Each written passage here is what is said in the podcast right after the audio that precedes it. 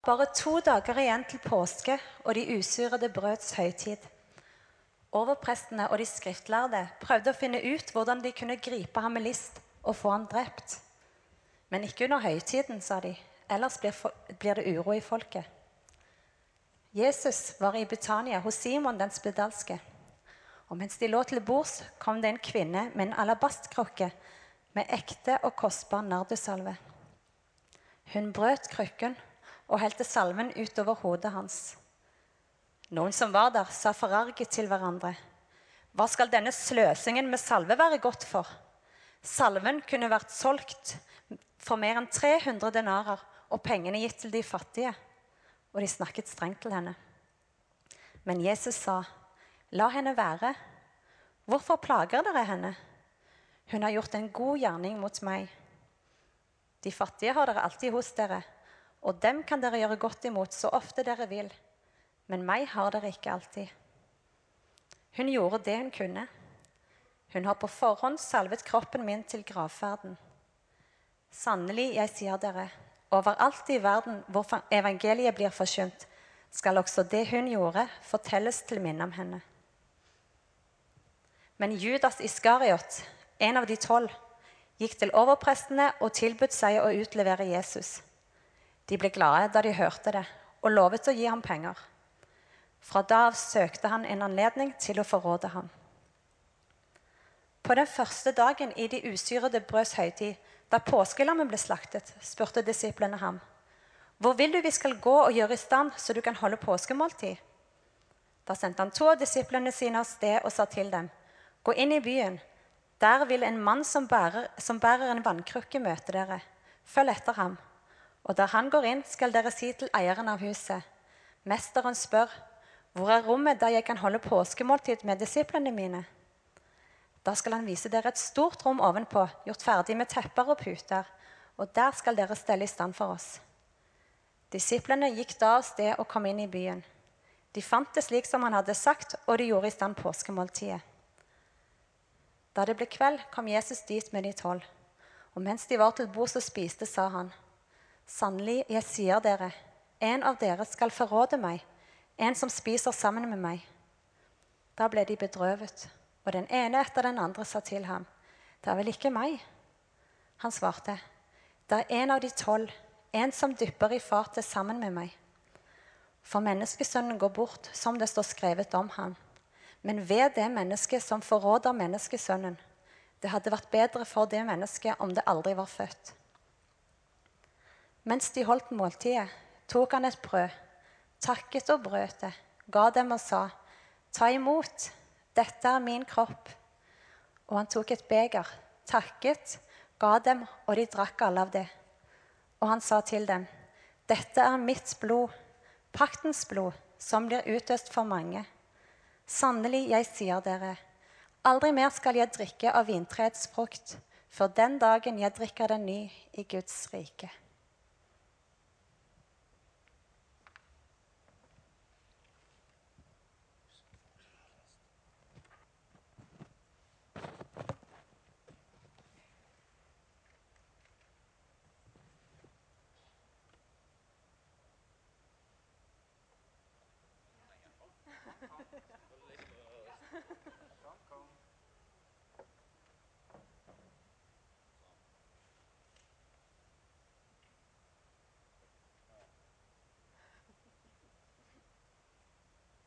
Sånn.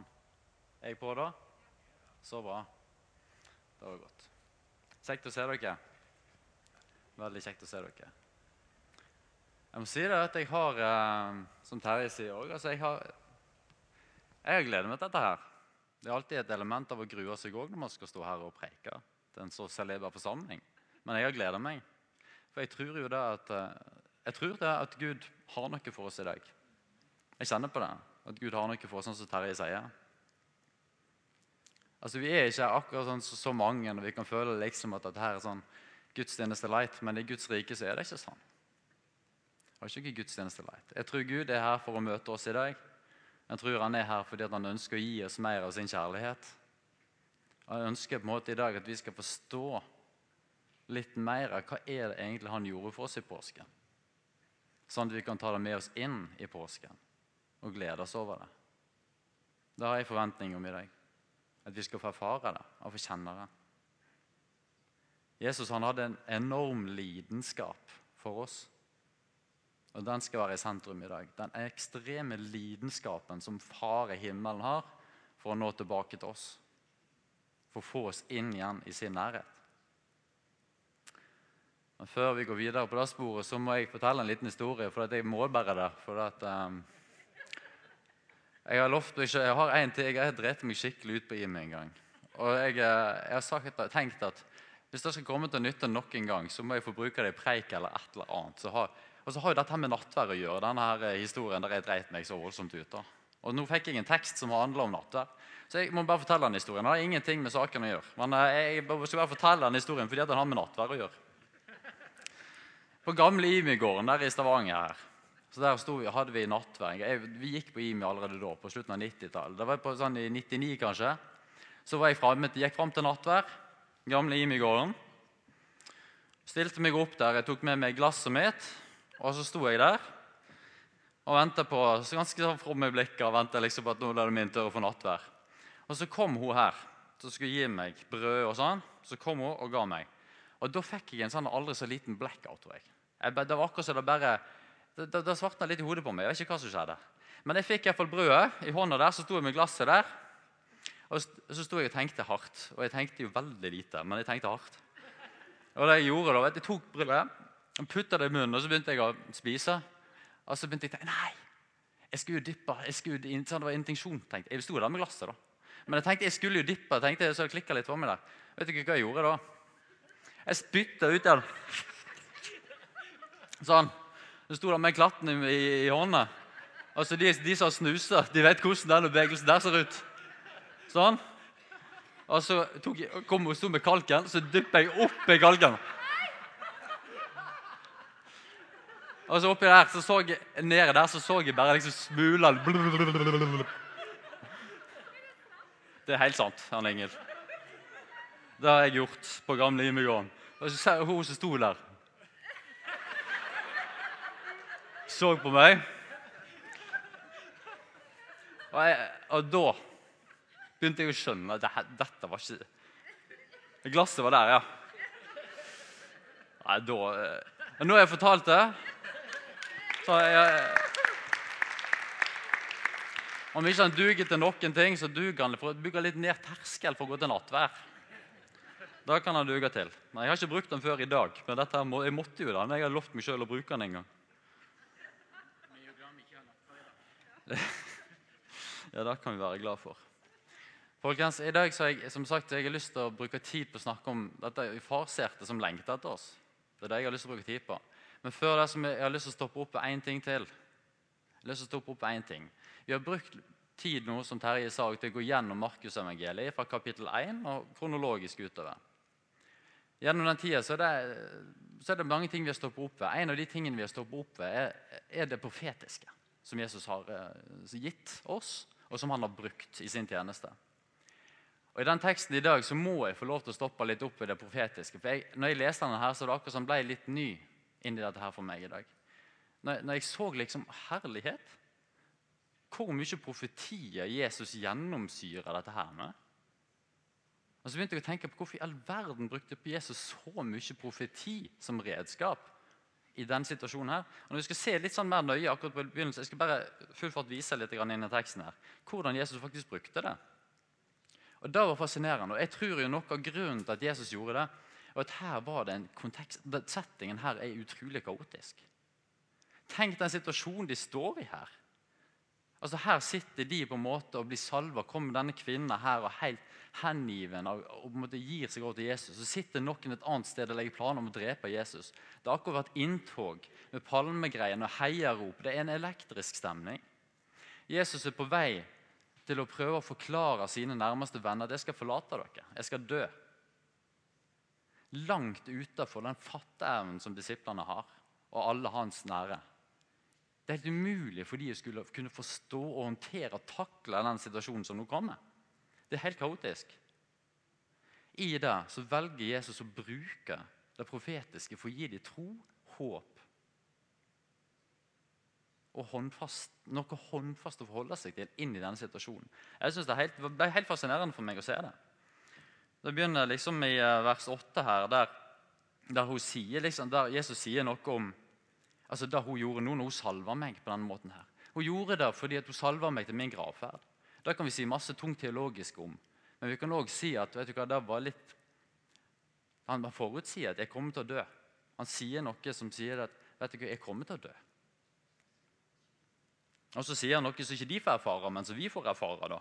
At overalt i verden hvor evangeliet blir forkynt, så skal også det som hun gjorde, bli fortalt. Det sier han rett etterpå.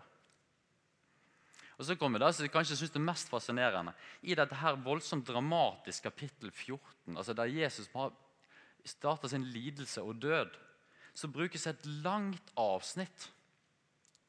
Har dere lagt merke til det? Et langt avsnitt som detaljert beskriver hvor de skal gå og feire nattverdmåltid henne. Hva er vitsen med det? Det er så masse vi lurer på, så masse vi skulle hatt svar på. Altså Vi skulle ønske at Bibelen sa noe om, om denne tematikken. her. Men vet du hva, vet du hva, Bibelen, hva, hva som står? Altså, de, Disiplene de, lurte jo på dette. Altså, 'Hvor vil du gå og gjøre i stand så du kan holde påskemåltid?' spurte Jesus. Da gjorde Jesus følgende. Da sendte han to av disiplene av sted og sa til dem.: Gå inn i byen. Der vil en mann som bærer ei vannkrukke, møte dere. Ja vel? Følg etter han. Og der han går inn, skal dere si til eieren av huset Dette er rimelig detaljert. Mesteren spør hvor er rommet der jeg skal holde påskemåltid med disiplene mine. Skal han mannen da spørre dem?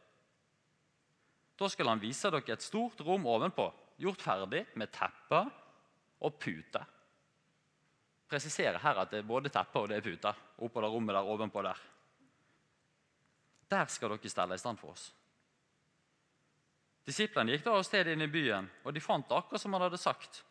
Og de gjorde i stand påskemåltidet. De var jo ikke i tvil om at de var på rett plass. Var de vel? Tenk når de kommer inn der, De går inn i byen der. Der møter de han mannen. Vær så god, jeg skal følge dere ovenpå her. Der var det teppe, der var det puter. Ja, der var alt i orden. Det er nok her vi skal være, ja. Kan dere tenke dere hvor godt det er for disiplene å få dette i livet sitt? Når de er på vei inn, Jesus skal til å si noe voldsomt dramatisk til de her. Kan dere tenke hvor viktig det faktisk var? At de hadde med seg denne her ballasten inn, opp på dette rommet. Vi er på rett plass. Han har sagt vi skal være her. Tenk på det. Og det første han gjør Det første han gjør når de sitter der, når de har satt seg ned, det første som står om i teksten, det er han forutsier. Vet dere hva? En av dere kommer til å svikte meg. En av dere kommer til å gjøre det. Tenk den forskjellen det er på at Jesus har profetert, at de på en måte kan feste sin lit i den profetien til Jesus, framfor at det bare blir tatt helt på sengen. Dette har ikke jeg tenkt så mye på, for meg. jeg synes det var helt fascinerende å se det. Tenk den forskjellen det utgjorde. Det er fascinerende. Og videre så kan vi se altså, flere ting uh, som kommer nedover her. Uh, han knytter det òg opp mot gammeltestamentlige profetier. For menneskesønnen går bort som det står skrevet om han. Han viser